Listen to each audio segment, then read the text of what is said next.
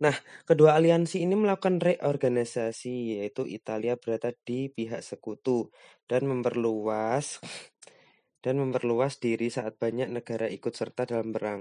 Lebih dari 70 juta tentara militer termasuk 60 juta orang Eropa dimobilisasi dalam salah satu perang terbesar dalam sejarah.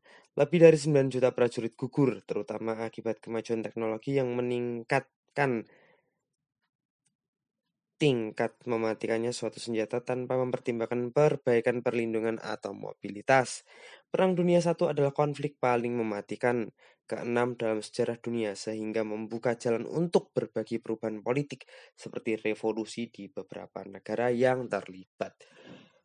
Ini mungkin salah satu juga memicu revolusi Prancis ya teman-teman yang itu buruh waktu tanggal 1 Mei kalau nggak salah teman-teman itu. Jadi banyak banget Kenapa disebut ke-6? Karena mungkin sebelumnya ada perang-perang yang antar etnis, ras, agama.